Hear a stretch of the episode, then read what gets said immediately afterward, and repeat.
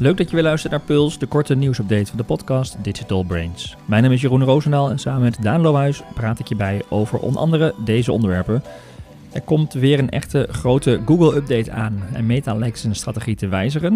We gaan het hebben over de nieuwe chatbot van Meta en de e-commerce-markt lijkt klaar te zijn met gratis bezorging en het gratis retourneren.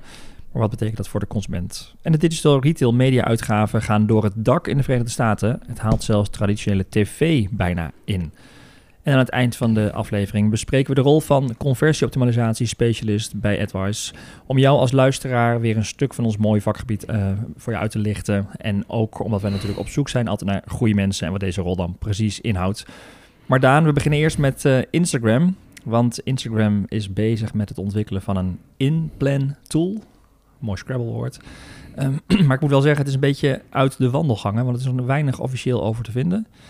Uh, maar er wordt gezegd, misschien heb jij het ook ergens wel gezien, dat er de grote uitdaging altijd van uh, social media is hoe ga je ja. het verder vooruit plannen. Je hebt contentkalenders. Ook heel praktisch, inderdaad. Ja, je wil een beetje vooruit alles, kunnen werken ja. en niet alles live moeten doen. Daar heb je een hele hoop tooltjes al voor, mooie Zeker. social media kalender tools en dat is die wereld ontploft. Maar om daadwerkelijk de post live te zetten, dat is weer een ander verhaal. Ja, en dan moet je vaak gebruiken je dan externe tools. En er wordt wel gezegd dat de algoritmes daar minder blij van worden. Hè. Die willen het graag dat je het in de tool zelf oplost.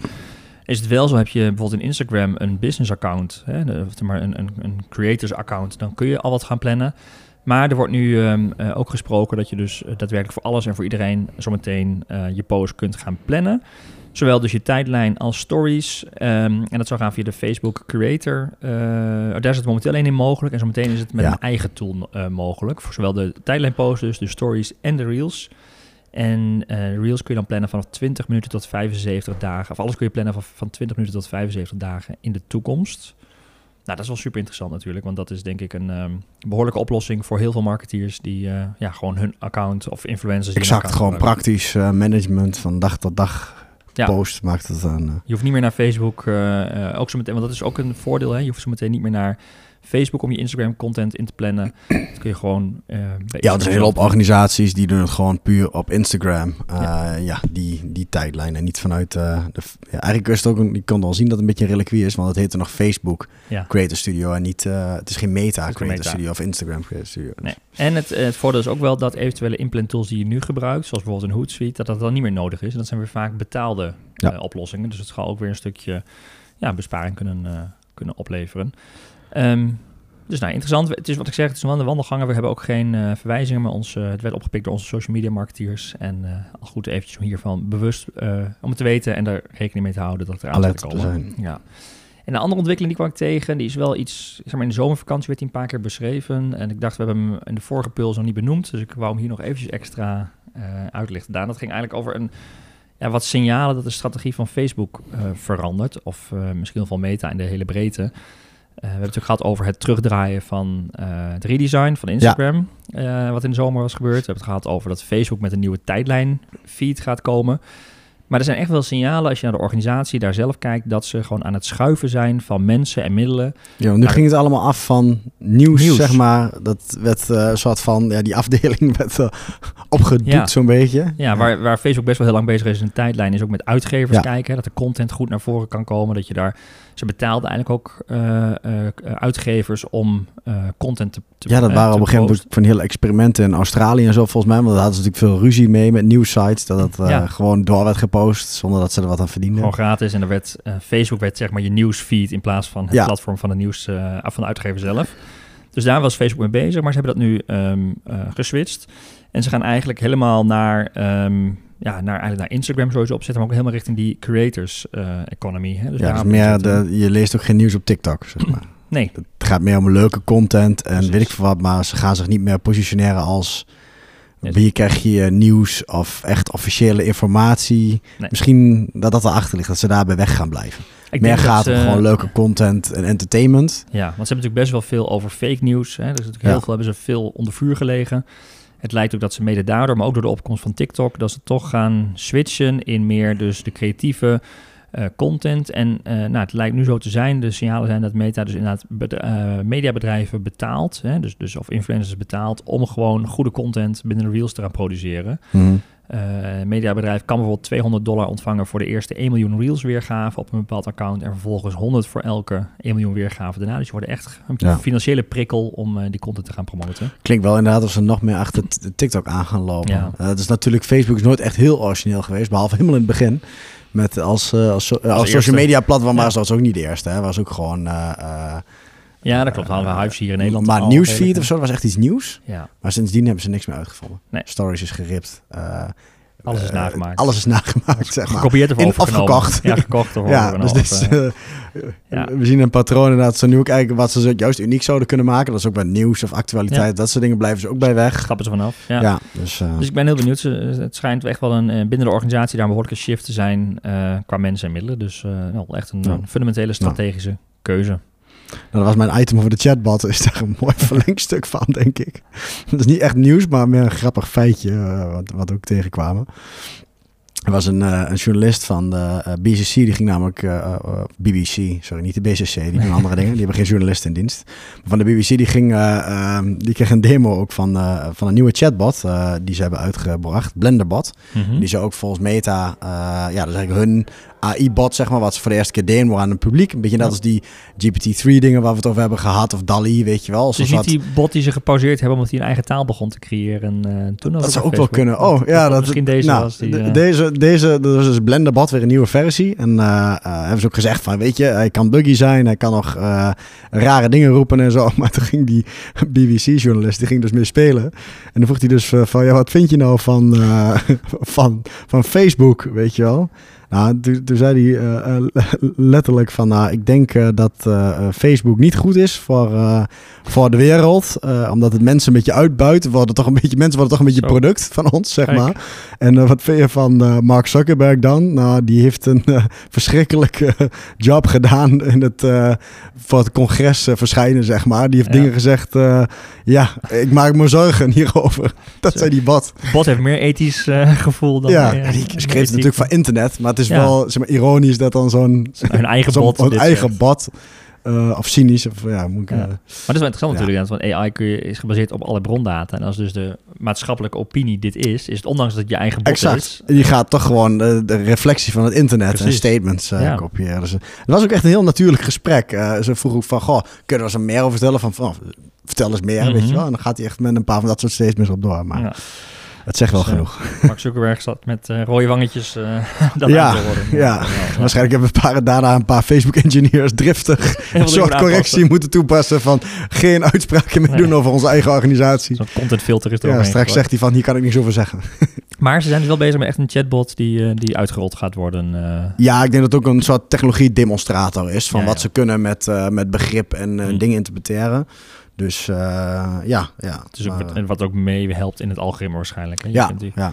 Dan hebben we een heel mooi bruggetje naar het volgende onderwerp van ja, Google. Google, ook algoritme. Want dat is een heel grote AI. update. Ja. Uh, en dat komt onder andere, um, uh, ja, even misschien ja, een grote we, update. We hebben het heel vaak gehad over tweaks van Google. Hè? Ja. zijn aanpassingen. En vroeger... Core updates doen ze wel eens. Ja, maar vroeger had je echt Panda op Penguin, Penguin updates. Ja, het waren updates waar het hele, ja. hele, nou, het hele vak zeg maar naar uitkeek en ook vreesde wat er gebeurde. Ja.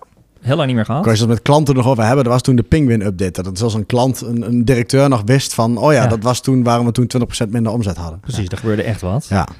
En we dachten heel lang van, nou, ze blijven tweaken en dat zijn geen hele grote veranderingen meer. Maar nu is er een update aangekondigd of verwacht? Die ja, nee, ze hebben hem zelf ook aangekondigd. En, uh, en normaal is ook die updates een beetje vaag. Want dan zeggen ze dus ja, deze, de update heet ook in de boeken de Helpful Content Update. En mhm. natuurlijk zijn altijd de doelstellingen van elke update altijd hetzelfde. Meer relevanter worden, ja. bla bla, meer helpful, bla, bla, bla, Maar het grote verschil wat hier ook technisch achter zit, is dat uh, ze nu dus ook in staat zijn met... Uh, Hè, onder andere uh, dat Lambda, waar we het de vorige keer over hadden, ook zo'n die ook in ja, gespreksvorm dus dachten van, oh, die gaat echt leven. Daar hebben we het ook al een keer over gehad. Um, die technologie gebruiken ze, dus net als Facebook nu met die, uh, dus, uh, die bot, die mm -hmm. ook die rare dingen zet op de achtergrond bezig is om echt pagina's te kunnen begrijpen. En wat ze dus nu proberen te doen, is echt originele content, die dus ook wat verrassende of misschien contraire dingen uh, met zich meebrengt. Of echt iets origineels, iets wat niet eerder is verschenen op internet. Ja. Dus echt de originaliteit willen ze gaan scannen. Oké. En dat is ook de kern van deze update. Dat het gaat om originele dingen die iets toevoegen. Dus, niet gescraped, de content is van alle tijden. Dat hadden we mhm. toen al, hè, weet je wel, van die tekstgeneratoren en zo. maar dat wordt natuurlijk steeds beter. En AI kan tegenwoordig teksten schrijven die bijna menselijk uh, zo goed zijn, zeg maar.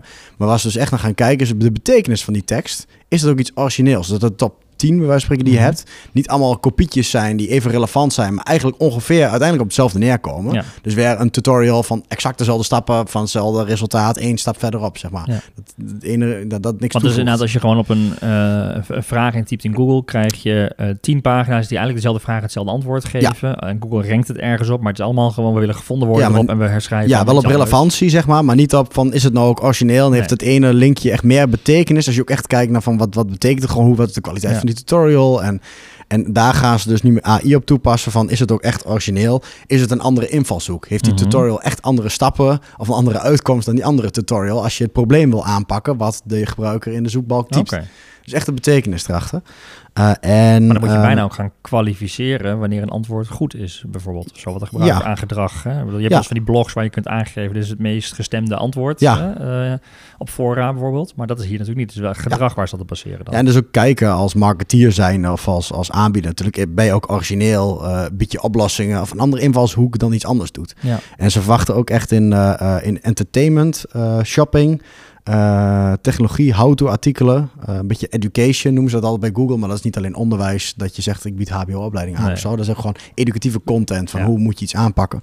Dat, dat is eigenlijk de, maar dus ook shopping. Heel... Ja, want maar dat is logisch natuurlijk, hè? want blauw, polo, hè? Ja. dat zijn universele teksten bij. Ja, en heb je niet hetzelfde product dan, uh, twaalf keer, biedt die ene echt reviews erbij aan. Precies. Of betere productfotografie, of andere invalshoek over dat ene product dan die ander heeft. En dat is wel echt iets wat ja, wat ze ook echt zeggen van, het is ook site-wide trouwens. Dus ze kijken ook uh, niet alleen op paginaniveau, maar ze gaan ook kijken naar de site en de aanbieder. Van biedt hij in het algemeen hmm. ook helpvolle uh, en originele content aan. Hmm. Dus je ziet op één artikelbasis, je kunt echt een soort ja, domein en merk, krijgt een soort van waarde. Ja. En ze hebben gezegd, je krijgt uh, als je dus echt spul kopieert, wat misschien wel opnieuw geformuleerd is, maar geen nieuwe betekenis heeft, dat je ook echt een klassificatie op je site kunt krijgen. Dus echt een penalty. Dat zeggen ze letterlijk. Echt, je krijgt dan een label. en dan moet je soms twee of drie uh, maanden aan werken om dat label weer af te krijgen. Laat maar zien dat je dan echt originele content hebt. Dus dat is echt van, van vroeger inderdaad. echt een penalty. Uh, dat heb je dus nu, zeggen ze letterlijk van, je krijgt dan een klassificatie van, ja, alle content die je maakt, die is echt gemaakt voor zoekmachines, automatisch gegenereerd, biedt niet echt iets origineels. En daar gaan we dus echt weer wat mee een doen. Soort gele kaart. En ja. je moet zorgen dat je dat strafbankje kom je dan. Ja, ja. Maar eh, in de branches die je noemt bijvoorbeeld, is het natuurlijk ontzettend moeilijk om daar unieke content te gaan creëren. Uh, ja. En of in ieder geval je posities te behouden. Want alternatief is, ja, dan moet je dus misschien meer gaan adverteren om posities te winnen. Als je dus niet in de unieke content kunt winnen. Ja. Ja, dat is het wel. Dus het, het, en, ja, het gaat wel meedoen met de ranking. Maar je kunt dus ook... Ja, en die penalties, dat is denk ik echt als je inderdaad side-wide... Ja, gewoon soort scraping site bent. Iets die allemaal content bij elkaar haalt. Gaven ze voorbeelden ook van, van... Pas op, het is maar een voorbeeld. Maar dat je bijvoorbeeld uh, naar een bepaalde film zoekt... En mhm. dat het gewoon bij elkaar getrokken informatie is van en IMDB... en een Wikipedia-pagina met een paar plaatjes... van de Google search resultaten of de acteurs. Sim samengevoegd om dan zo, proberen zo hoog mogelijk te ranken. Uh, dan gaan ze echt kijken van... Ja, maar nee, dat is allemaal bij elkaar geraapt. Wat heb je dan gedaan? Je voegt niks toe aan het voegt niks toe aan het internet. Dus dan krijg je als je dat structureel doet. Uh, maar goed. Interessant. Ja. Is, is er iets bekend wanneer dit uitgerold gaat worden? En... Um, geen exacte datum. Uh, er was nog discussie over is het in eerst het Engels en andere talen. Ik denk wel dat ze het eerst in Engels gaan doorvoeren. Mm. Dus zij krijgen waarschijnlijk een early warning signal, zeg maar. Ja, ja, als dit echt uit wordt gerold. Maar het is wel uh, komende uh, maanden, geloof ik. Dus het is niet dat ze zeggen, oh, dit komt pas volgend jaar. Het is wel iets wat snel in gang wordt gezet. Dus ja, dus nou. ja, je hoort het ook van ons, denk ik, als hij echt gaat uitrollen ook. En dan de eerste resultaten van hebt. Maar ze zijn zelden zo. Uh, het is natuurlijk nog steeds niet heel expliciet. Maar ze zijn zelden zo duidelijk geweest over. We gaan een content. We gaan het. Uh, een zo'n core, update. Nou, het is geen core update. Het is, we gaan echt een grote update doen, zeg maar. En dit zijn de gevolgen. En Penalties deze technologie gebruiken. Ja. ja. Ik denk dat we hier een, binnenkort een deep dive maar eens even aan moeten wijden. Dat denk ik ook. Ja. Marijn. Ja. Interessant. Nou, we gaan het in ieder geval uh, we gaan het volgen. Hey, en in de vakantie heeft de vorige puls niet gehaald, maar ik dacht ik gooi hem gewoon nog een keer uh, op het redactielijstje. Ja. Uh, kwam ik nog een artikel tegen en de titel triggerde mij. Mm -hmm. was een blog op, op e-commerce, geschreven door iemand van SendCloud. Um, en de, de, titel was de e-commerce markt is klaar met gratis bezorging en retourzendingen. Nou, ik was heel benieuwd naar de onderbouwing daarvan. Ja. Hè, waaruit blijkt dat dan? Of, of, is het een onderzoek of weet ik veel wat? Een algemene statement is iedereen natuurlijk klaar mee, maar de vraag is ook, doen ze er ook wat aan? Precies, hè? ja, ik kan, ja, je kunt er niet blij mee zijn, maar dan... Ja.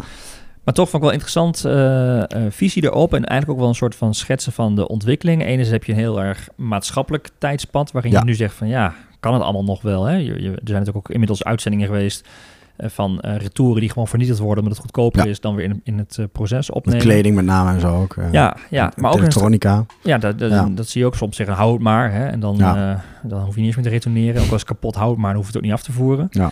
Uh, maar er zat ook een strategisch, uh, strategische component aan. En dat zie je dat de grote spelers um, uh, proberen te combineren met abonnementen. Dus ja. abonnementen, dus eigenlijk de klanten met abonnementen, die krijgen, kunnen nog wel gratis retourneren of gratis verzenden. En daarmee hebben ze een ander verdienmodel gecreëerd. Ja, zo dat je het eigenlijk zegt als ook een first party data of echt gewoon ja. een financiële strategie. Dat je zegt als je een loyalty klant bent Precies. of meerdere Waarschijnlijk aankopen, ga je maar... vaker daar kopen als ja. je gratis kan. Nee, ik, heel eerlijk, ik ben klant bij bol.com en heb het select. Ja. En dan zie je ook dat je gratis, geen verzendkosten, weet je, dat soort dingen allemaal. Je wordt toch geneigd om eerder daar te gaan, uh, gaan kopen. Dus dan is het een soort van je, je ja, hoe zeg je het, je, je customer lifetime value of je waarde als klant wordt veel hoger. En dat verdien je op langere termijn terug. Maar de uitdaging zit wel voor de kleinere e-commerce spelers, want die kunnen daar gewoon niet in meegaan. Ja, waar je geen herhaalaankoop nee, hebt of zo. Nee. Wat een beetje gemarginaliseerd. Je moet wel echt een terugkerend doel zijn voor een klant. Ja, en, en, en, en zoiets zijn wat ze heel vaak nodig hebben, dat je daar echt die plek kan krijgen. Um, maar goed, dat is wel een, een, een, iets om rekening mee te houden, ook als je een webshop bent. Van ja, de grote spelers gaan naar abonnementsvorm en blijven dan gratis verzenden en, uh, en retourneren. Mm -hmm. Uh, maar wat kun je daar aan, uh, aan toevoegen? Je ziet wel wat steeds vaker ook natuurlijk wel een stukje uh, pricing toevoegen. Hè, dus kosten in rekening brengen, zodat ze er bewust van zijn. Ja. H&M heeft ervoor gekozen bijvoorbeeld om alleen maar symbolisch 1 euro te laten meebetalen. zodat je in ieder geval weten, het kost wel iets. Ja. En we kunnen in ieder geval iets doen op het volume. Ja. Maar en bewustwording. Dus ik denk dat het langzaamaan verder gaat opschuiven. Maar de ontwikkeling met het. Als je het zo uitlegt, ja, dan snap ik dat ja, de kern, de shift die, die er gaande is. Ja. Dat het niet meer een standaard is van je moet gratis verzending hebben. Uh, maar Nee. dat je er inderdaad strategisch mee kan omgaan. Er zijn keuzes en de Ja. grote partijen geven ook keuzes. Ja. Dus wat is je alternatief van als, je geen, eh, als jouw klant geen lid wil worden van een van die grote partijen? Wat kun jij dan nog wel bieden daarin? Ja. Maar weet in ieder geval dat er eh, Hm. ja, verschuivingen in zijn. Eh, maar niet heel hard, dat iedereen er klaar mee is. Maar het is wel een, eh, een shift in de Ja, het is een interessante denkwijze. Wat even de, de, de standaard die je denkt van ah, we moeten gratis verzenden. Dat je denkt, ja, maar daar kun je dingen mee. kun je in je data, in je verdienmodel. In je, en dat is steeds normaler aan het worden. Ja. Precies, dus denk daar eens over na. Creatief kijken naar wat er kan. De, de, het gaat variëren inderdaad, ja. Hey, en jij kwam nog een eh, interessant onderzoek tegen eh, met cijfers ook uit de Verenigde Staten. Ja, omdat het daar altijd begint. Hè? Mhm. Eh, en wat heel erg opvalt eh, is... eh, in juli is de slechtste maand voor eh, digital advertising eh, sinds lange tijd. Voor de grootste daling ooit, zeg maar. Ook vanwege corona natuurlijk is het nou precies, zeker in de VS, de... was vorig jaar een hele piek natuurlijk. Dat En is wel grappig, hè, want nu heb je, je merkt, mist eigenlijk twee jaar aan data om mee te vergelijken. Ja. Echt goed vergelijk te Ja. doen. En daarvoor is alweer te oud om echt te kunnen 2019 heb je dan over dat je ja, waar vergelijk je het Ja. aan mee? Hele digital soort groeien. Maar goed, wat er heel erg in opvalt in, in de data van ehm, eh, Insider Intelligence, van Marketing Insider, die doet heeft heel veel dat soort rapporten. Mhm. Dat eh, eh, digital retail media, en dan moet je even uitleggen wat dat eigenlijk is. Want het bestond tot vier jaar geleden, was het niet eens een serieus bedrijf. Nee. Of niet echt een tak wat uitgesplitst werd in uitgaven. Retail media is traditioneel, betekent dat gewoon in-store advertising, zeg maar. Retail media in de retail zelf. Maar dit is de digitale. Dus denk aan de Amazon advertising, zeg maar. Die je daar dus op een platform van een marketplace bijvoorbeeld uitgeeft. Maar wat je ook steeds meer ziet is bij de grotere e-commerce partijen.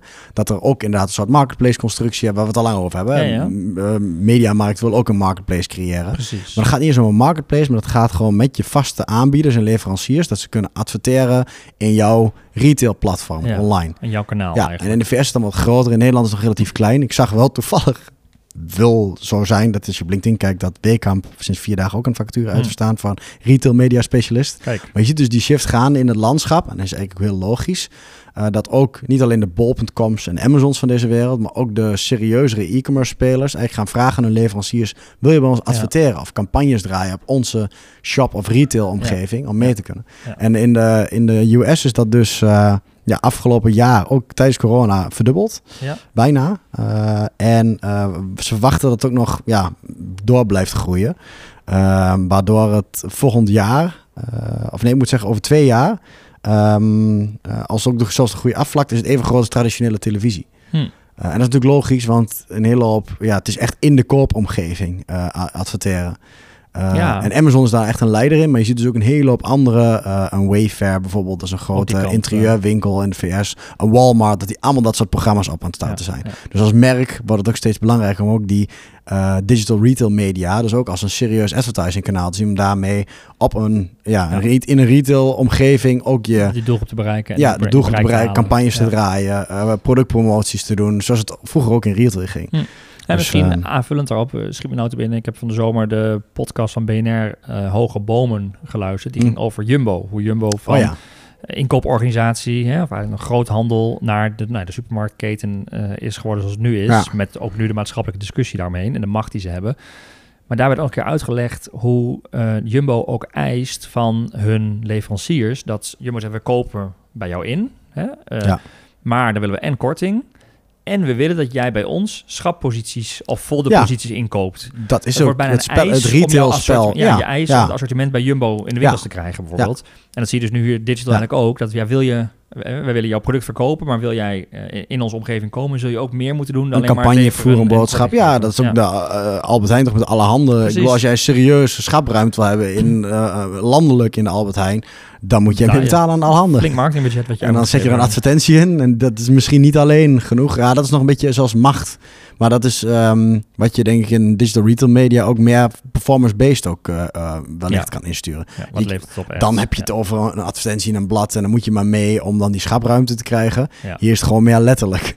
Uh, je, je, je adverteert met een campagne en je kunt zien wat de verkopen waren. Omdat zo'n Dus retailer heeft first-party data. Je mag gewoon een consument, dat is ook een, een groot verschil trouwens. Omdat met cookies is er natuurlijk Ja. allemaal ex, met extern Wordt veel moeilijker. moeilijker vanuit Google en vanuit andere advertisingpartijen. Dat het eigenlijk zo'n retailer kan zeggen: Ja, ik heb een merk gebouwd. Er komen al mensen bij mij, bij mij Ja. kopen. Je mag gewoon met mijn eigen data een campagne runnen. Om te zien als jij iets bij mij op de homepage adverteert. Of dan uiteindelijk iemand jouw product ook koopt. Uh, succes met z'n allen. Ja. Ga maar bieden. Dus, Maar goed, ehm, dan weet je wel inderdaad wat het je op kan leveren. Dat is natuurlijk in de traditionele retail zijn de Exact. cijfers pas veel later. Ja. Maar in de digital dit is gewoon, eh, dat zie je nu ook op Marketplace natuurlijk. En dat Ja. doen we al heel veel. Alleen het is opvallend om te zien dat het dus niet... Hè, in Denk je al gauw aan bol.com en. Amazon advertising, zeg maar, een campagnes daar draaien, wat al steeds beter kan. Je ziet gewoon in de VS, dat is natuurlijk schaalgrote grote, Ja. dat een hele hoop van ja, e-commerce retailers of omnichannel spelers echt het advertising inkomst als een serieus kanaal gaan zien. En dat je als merk ook wat mee moet. Dus ja, eh, je zei je begon al dit, dit item met inderdaad van, ja, als dit in Amerika al zo is, dan is het een kwestie van tijd. Dan is het ja, dan Dus gaan e-commerce platformen het ondersteunen. Dan ga je inderdaad gewoon retail media op dingen. Ja, gaan, gaan middelgrote e-commerce spelers gaan op een gegeven moment ook meedoen. Ja. eh, op een of andere manier. En volgens mij Dus, kun je bij Bol ook al eh, gewoon adverteren om je doelgroep... eh, ja, exact. Ja, nee, dat, Ja. dat is het ook al. Alleen dat is nu Ja. in mijn hoofd zat het nog als marketplace-achtigen, Ja, zeg maar. precies. Maar je ziet dus nu ook dat een hele hoop niet marketplaces gewoon ook door je traditionele onderdeel van je inkoop. Het is eh, onderdeel van je stappen. mediastrategie als merk eh, eh, Ja. nu. En dat is dus gigantisch hard aan het groeien. Harder dan elk ander advertising kanaal wat er eh, nu is. En haalt bijna dus tv in daar. Ja. ja. Ja. Eh, In totale spend over twee jaar. Ja. Dat is natuurlijk fikse bedragen. En dan kun je verwachten, ja, dat is een kwestie van tijd. Of het is hier ook zo. ook. Ja. Leuk. Interessant. Ehm, en we hebben beloofd dat we nog even een, eh, een vacature of een functie wilden uitlichten. Ehm, en dat is de functie van conversieoptimalisatie specialist. Ehm, mooie functie, ook een mooi vakgebied moet ik zeggen. Hè? Steeds eh, ook volop in ontwikkeling, omdat je best wel breed kijkt en iedere keer weer opnieuw met conversie Ja, en een unieke combinatie tussen data en ook eh, kwalitatief UX-onderzoek. Ja, ja, zeker. En, en we zeggen wel eens van, je ziet ook gewoon door de concurrentie dat bijvoorbeeld klikprijzen hoger worden. Hè? Dus je kunt ehm, je, je rendement van uit die klik moet ook omhoog. Hm. En dat haal je dus Ja. niet door eh, alleen maar je mediabudget te verhogen. En dan zul je ook het platform zelf moeten doen. De klantbeleving daadwerkelijk eh, verbeteren, obstakels weghalen, die hele prioriteiten bepalen. Want dan verdien je Ja. de, die, die extra media spend weer terug. Hè? Dus als CRO-specialist ben je daar vooral mee bezig. Van hoe kun je nou het platform van de klant, die journey van de klant, zo frictieloos eh, houden, de obstakels weghalen. Iedere keer jezelf weer uitdagen om weer nieuwe hypotheses te bedenken, testen te draaien. Eh, ja, we hebben het vaak over AB-testing. Dus een variant zoals het origineel en een variant Hm. eh, die waarschijnlijk een verbetering is. Kijken wat dat doet.